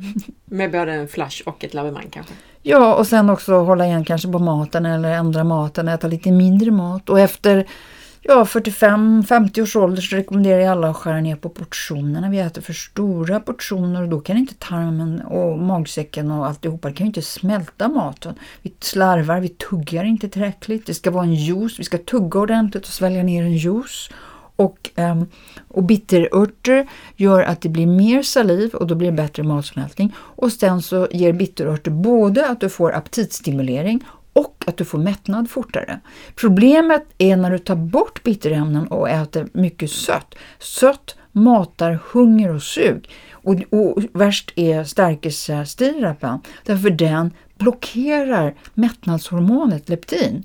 Så att du kan äta omättligt. Och det är därför som när du äter någon, om man äter en påse chips eller ostbågar eller vad det är, bakelser, alltså, det är ju stärkelsesirap i nästan allting. Du kan inte sluta äta. Bara mer och mer. Det, det, folk äter ju till de kräks, de äter ju till magen går sönder. Därför att det skapar omättlig äh, ätande. Och det har inte att göra med att man har dålig karaktär utan det har att göra med att det triggar äh, fel grejer i hjärnan. Jag undviker allt som triggar min hjärna på sug och begär. Därför att det skadar min kropp. Men du, många som nu äter så som du ändå rekommenderar att man har ett lite kortare ätfönster. Många äter till exempel 16-8, alltså att man fastar 16 timmar över natten och sen så äter man 8 timmar. Eller ännu mer då extremt, eller man ska säga att man gör som du, att man äter, har ett ätfönster på 2-6 timmar. Ja. Då blir det ju lätt att de måltider man äter är ju men alltså, betydligt alltså större. Är, det, nej, men det, ja, men det behöver du inte. Och det, alltså det är inte extremt därför vi inte gjorda. Men, nej, nej, men, man men om hittat... vi bara kommer till den här mm. frågan då. Alltså är det, är det viktigare att fasta? Man äter ju större, generellt större måltider om man äter färre per dag. Okej, grejen är så här va. Tänk dig en tarm, alltså det här svarta röret, mm. som är uttänd. Mm. Och det ligger mass, det är tarmfickor, det är tarmplack, det är avlagringar, det är toxiska slemfilmer, det är toxiska biofilmer. När du äter mat, tror du att du har ett bra näringsupptag? Nej. Du kan ju likväl spola ut maten i toaletten. Så att när jag har flashat min tarm och när jag lägger in de här födopauserna, min, jag, alltså jag äter, min vad heter det, matbudget har gått ner 40 procent. Jag behöver inte äta så mycket mat därför att min tarm tar upp näringen. Jag har inte parasiter och maskar som ligger och, och käkar upp den, för det gör de ju annars. Och jag har inte att det ligger skyddande höljen och så. Utan för att du ska kunna ta upp, alltså tänk dig att det är ett rör, tarmen. Och var tas näringen upp? Inte i mitten, den tas upp i tarmväggen, i tarmslemhinnan. Och i tunntarmen, näringstarmen, om den är hälsosam så den har en massa tarmvilli och vecklar du ut det så är det alltså stort som en fotbollsplan. Och där ska näringen tas upp. Men sen på grund av att man kanske äter komjölksprodukter man inte tål, gluten, man har skadad tarm, man har läckande tarm, så kanske den har krympt till ett badkar. Nej men alltså den är inte så stor. Och då så kan du äta vad du tror är bra mat, men den tar inte upp så mycket näring. Och det är också ett skäl till att folk äter för mycket mat, därför att de får inte i sig så mycket näring. Och det enda sättet du kan bryta det, det är att börja bli av med allt det här som ligger och hämmar näringsupptaget och parasiter. Det finns ingen annan väg. Och jag skräder inte orden här, alltså sjukvården behöver utbilda sig och lära sig om det här. Läkare, sjuksköterskor behöver lära sig om detta nu. Därför att det här är vägen att gå. Sjuka tarmar kan aldrig ge en frisk kropp. Och man kan sluta symptombehandla alla möjliga små grejer. Gå till tarmen, skölj ut den så att vi får ordning på näringsupptag och vi får bort störningar till hjärnan. Jag sover djupt och eh, jag sover bättre än jag gjort i hela mitt liv efter jag började med det här. Alltså det, det, jag, lägger, jag kommer inte ihåg när jag somnar, så jag lägger huvudet på huvudkudden och sen är jag bara borta. Liksom. Mm. Och så sover jag och, och jag sover och det, jag sover minst tre eller fyra timmar djupsömn varje natt. Så summerat min fråga där så går det alltså att både äta färre gånger och äta mindre mål om man bara tar upp all näring i det man äter. Ja, du tar väl inte upp, alltså det är inte så att det är 90 eller 100 procent näringsupptag. Men problemet som är det idag eh, när, när folk har skadade, uttända, förstörda eh, jäsningar, maskar, alltså de kan ju likväl hälla maten i toaletten. Alltså de tar ju inte upp mycket näring.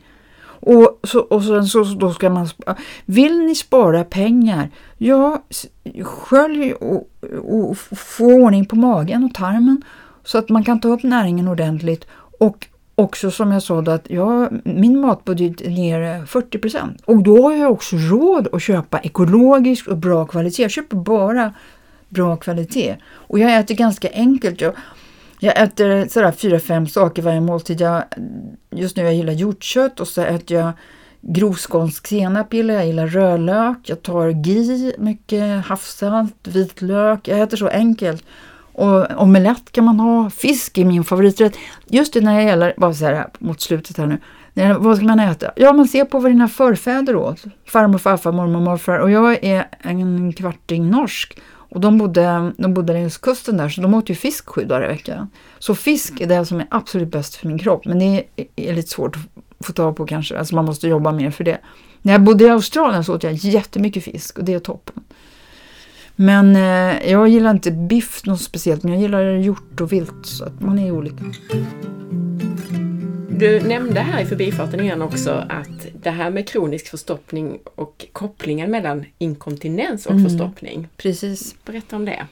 Ja, alltså det är lite tragiskt för jag läste en studie jag gjorde i sjukvården och så visade att det alltså då har man frågat ett stort antal kvinnor eh, som var postfertila och att en väldigt hög andel hade problem med förstoppning och kronisk förstoppning och att det, det hänger, alltså det, det, forskning visade det hänger samman med inkontinens och då har väl att göra med att det dels att det kanske vandrar över från där bak till där fram och sen också om du tänker att man har... Över, alltså bakterier? Ja, bakterier ja, precis. Och, eh, och, och, om du tänker dig då mm, att du har tarmar så som är förstorade så kan ju det trycka på urinblåsan. Då, alltså en förstorad tarm trycker på urinblåsan. Blir du av med förstoppningen så, så, kanske du inte har de problemen. Plus att du inte får um, ur, uh, urinvägs eller urinrörsinflammation och sådant. Det kan vara saker som sitter där, alltså bakterier och sådana saker hur lätt är det att krympa en förstorad tarm? Alltså hur lång tid tar det och, och är det bara att undvika då förstoppning och för stora måltider och så vidare?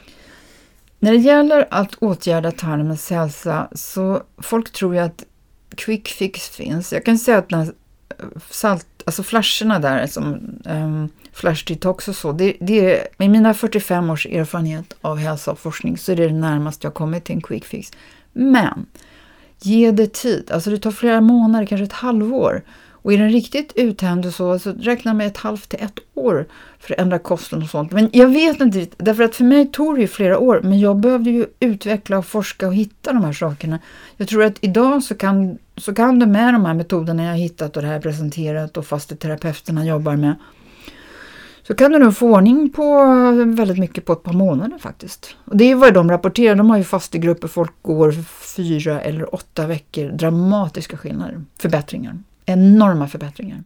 Men en tanke där också är, om man tittar på en del arkeologiska fynd och, och, forskning på evolutionen så finns det ju i alla fall en del folkslag som har ätit väldigt stora mängder fibrer. Om man nu äter stora mängder grönsaker. Alltså väldigt stora mängder. Ja. Men grejen är att, ut jag vill bara säga att mm. grejen är att, att, när du pratar grönsaker, så att det, de grönsaker som vi har idag när man går in i en affär, de fanns inte innan. Nej. Så det där, alltså då åt du de här äh, beska, sura morötterna, äh, lite jordrötter, åt väl bär och sådana saker. Så att allt det här färgglada, fina som finns äh, i färg är ingenting som vi har haft tidigare i våran mänskliga föda. Mm. Men jag tänker mer mängden nu då. Alltså om vi nu äter stora mängder grönsaker, tänjer det också ut tarmen?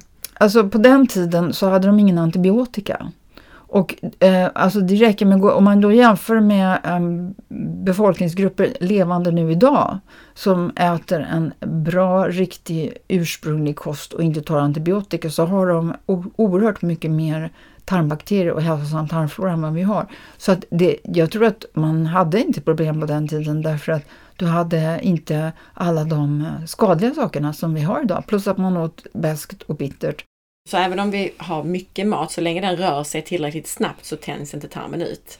Kan det vara en slutsats? Eh, alltså jag skulle säga så, så att vissa mår bra av att äta mycket fibrer, gör inte det. Och, och, det varierar också med åldern. Så de här som du pratar om, de kanske var i 30-årsåldern. Jag åt jättemycket fibrer när jag var i 30-årsålder, inga problem. Men nu är jag 60 år och jag kan inte äta mycket fibrer. Mm. Så det har helt att göra med vilken ålder det är och och nu då, så, jag kom till Sverige och då hade jag lite Sverigefest. Så jag åt, för jag älskar svensk vispgrädde, det är gott. Och yoghurt, och, alltså det är många saker som är goda här. Men det direkt, jag fick ledproblem och jag får sån här celluliter kommer tillbaka och så. Så nu har jag skurit bort alla komjölksprodukter.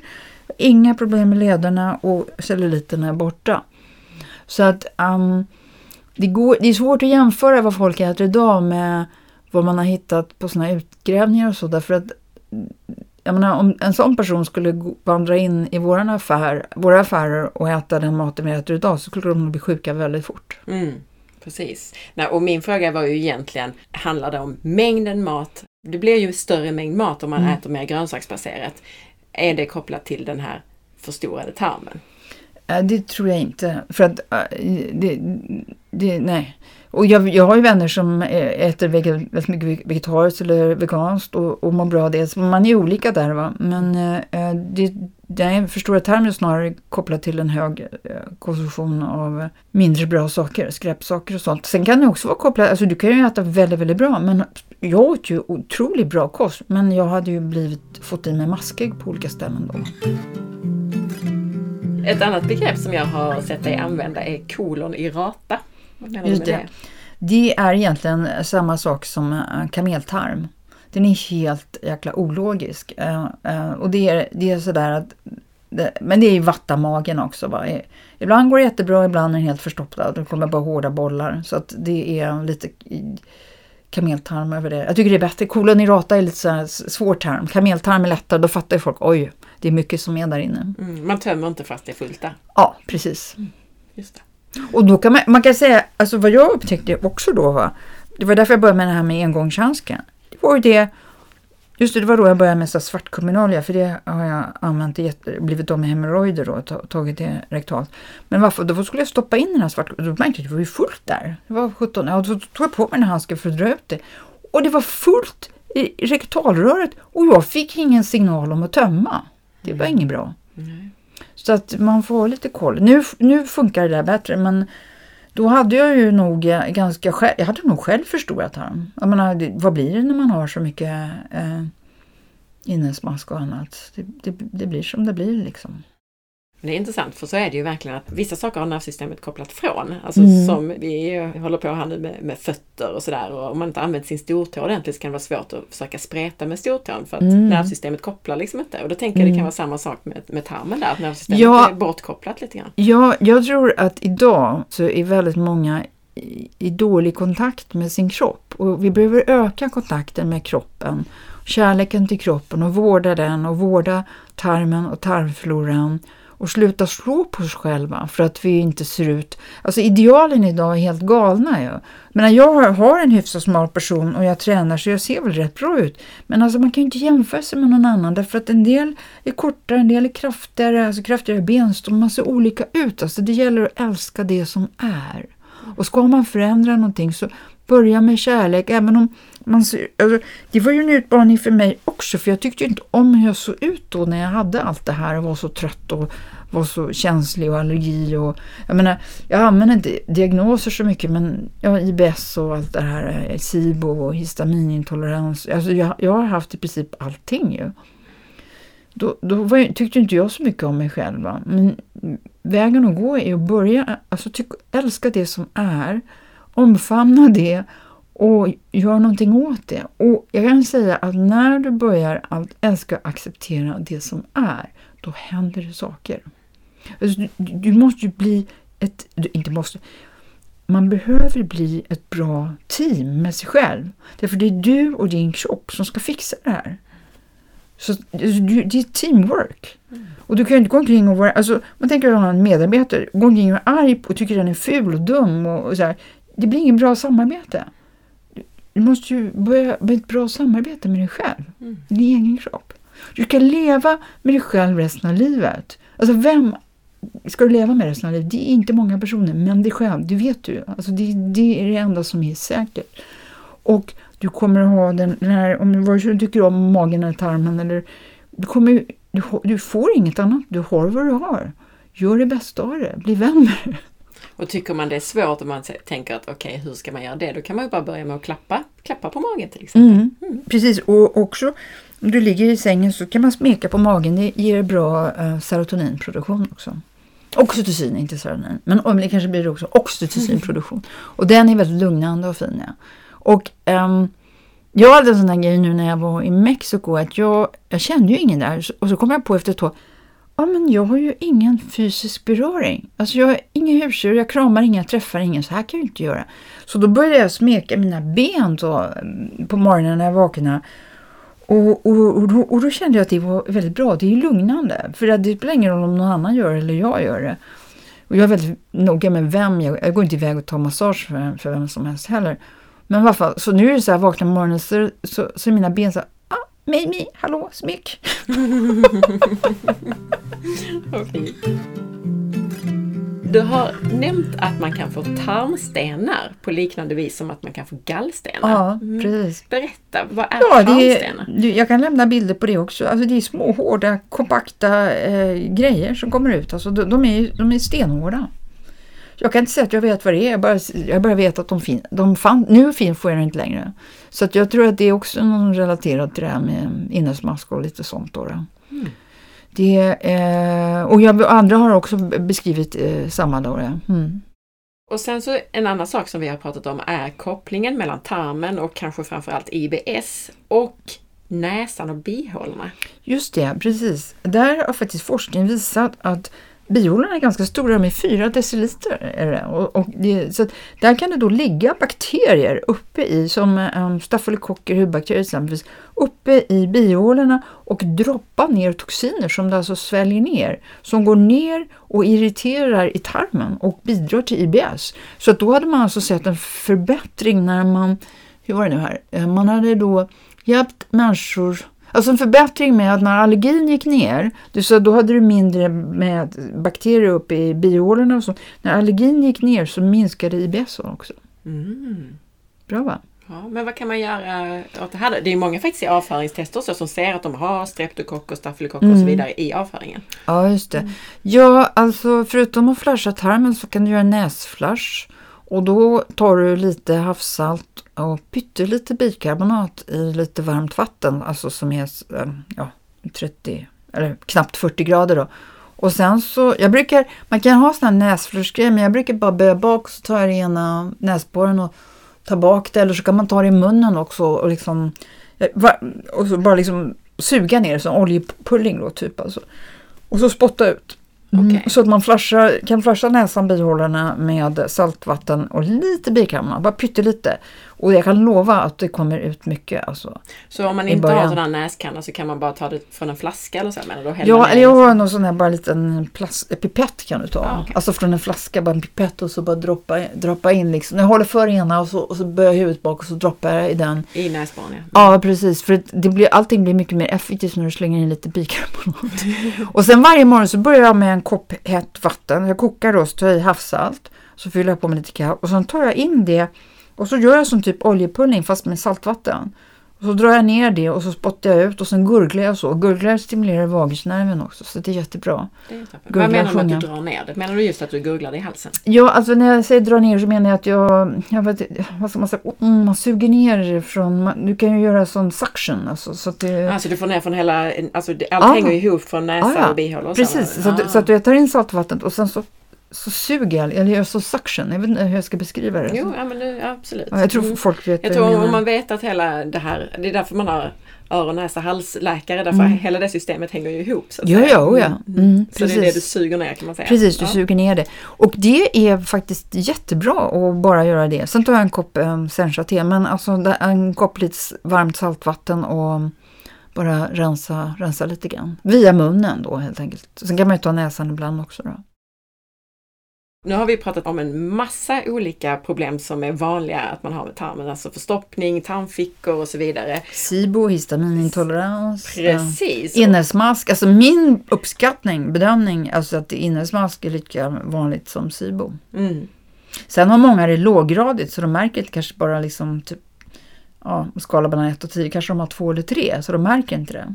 Det jag skulle säga här också det är att mm. vi gjorde ett eget avsnitt där vi hade en del andra problem och där vi, i avsnitt 302 tog du och jag upp hemorrojder. Så då Just kan man det. lyssna på det avsnittet. Ja. Så behöver vi inte Hur jag blev av med hemorrojderna och massa andra också. Mm. Mm, precis, kan man lyssna där. För det var en massa andra tips också mm. som var superbra. Mm. Ja, jag tror att nu får de så många tips och öronen trillar av snart. ja, precis. Så nu får vi runda av. jag, jag gillar inte ordet tips så mycket för det här är faktiskt råd. Alltså det här är gediget jobb, utforskning, beprövade um, metoder från mig. Tips är ju lite sådär typ Alltså man tänker att det är enkelt för att jag säger ta bikarbonat, ta havssalt, ta aktivt kol. Det är, det är på ett sätt kan man säga enkla ingredienser.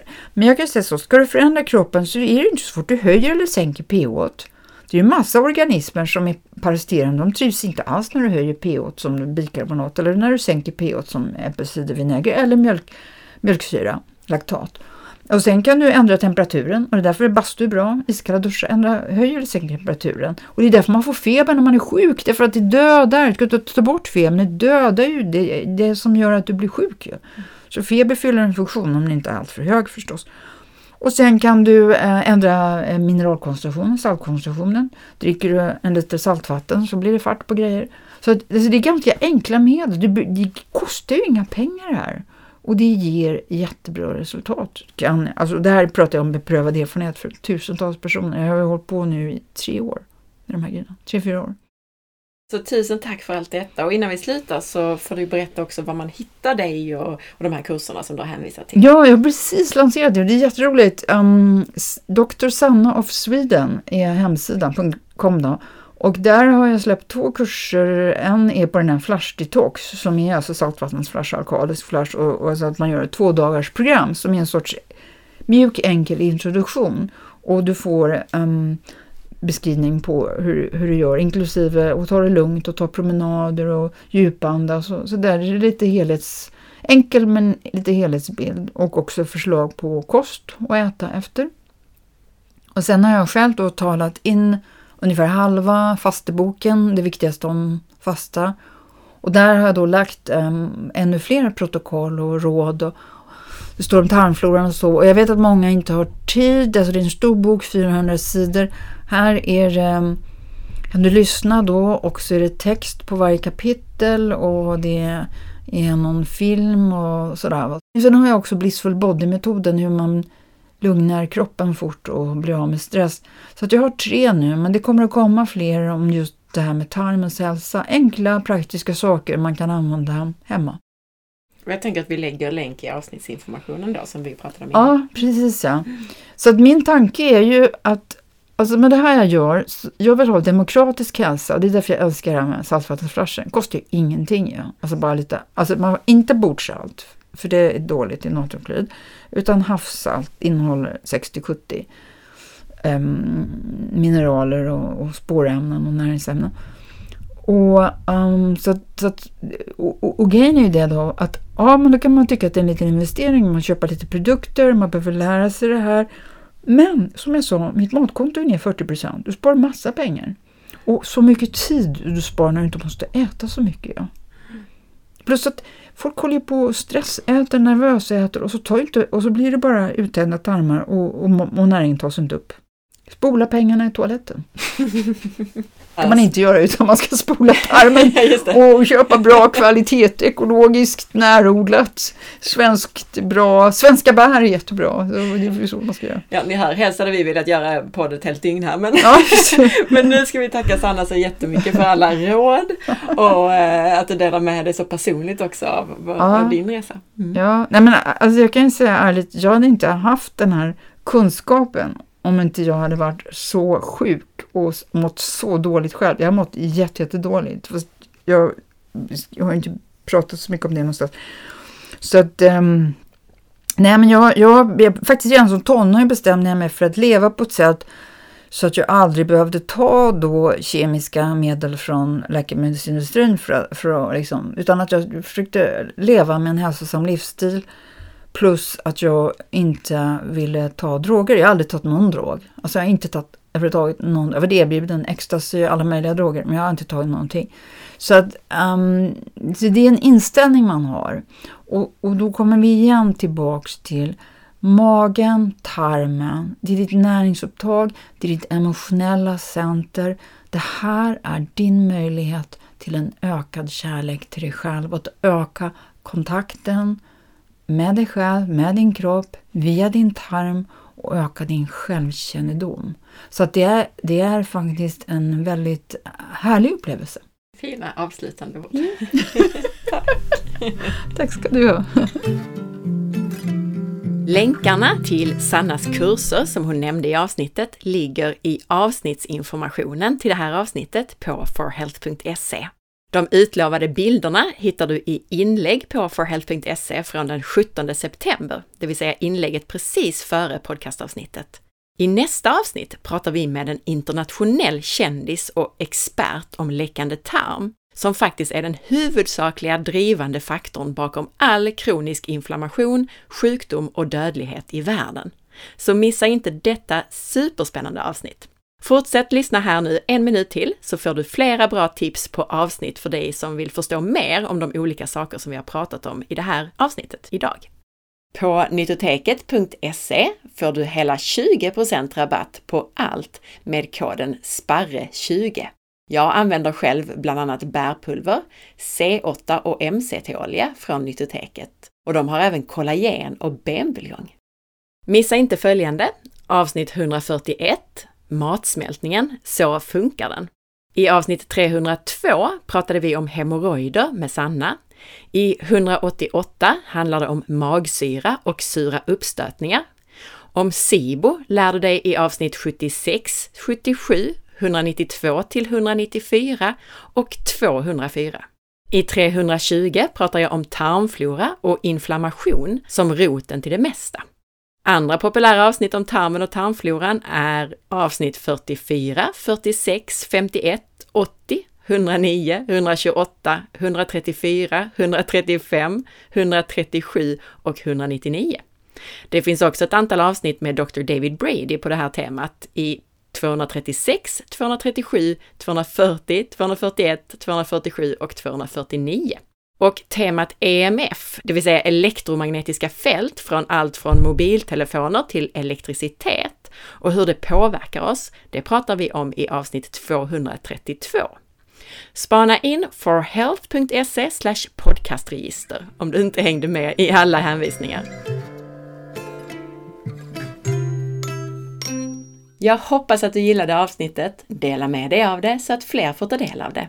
Du hittar en beskrivning av alla avsnitt på forhealth.se podcastregister. Och är du ny med att lyssna på podcasten, missa då inte avsnitt 300 som heter Börja här och som guidar dig rätt. Veckans recension i podcastappar är från Kearsberries som skriver mycket bra lyssning! Här får man lyssna på en behaglig röst som guidar oss i hälsodjungeln. Brett tema och många nyheter att ta del av. Mycket bra program! Följ med på facebook.com forhealth.se där du kan hitta avsnittsinformationen till det här avsnittet som du kan dela och där du flera gånger i veckan hittar nya hälsotips. Och glöm inte att lämna en recension i din podcastapp. Följ också mig på Instagram via asparre och titta in på bloggen på forhealth.se. Ha en fantastisk dag! Vi hörs snart igen. Hej då!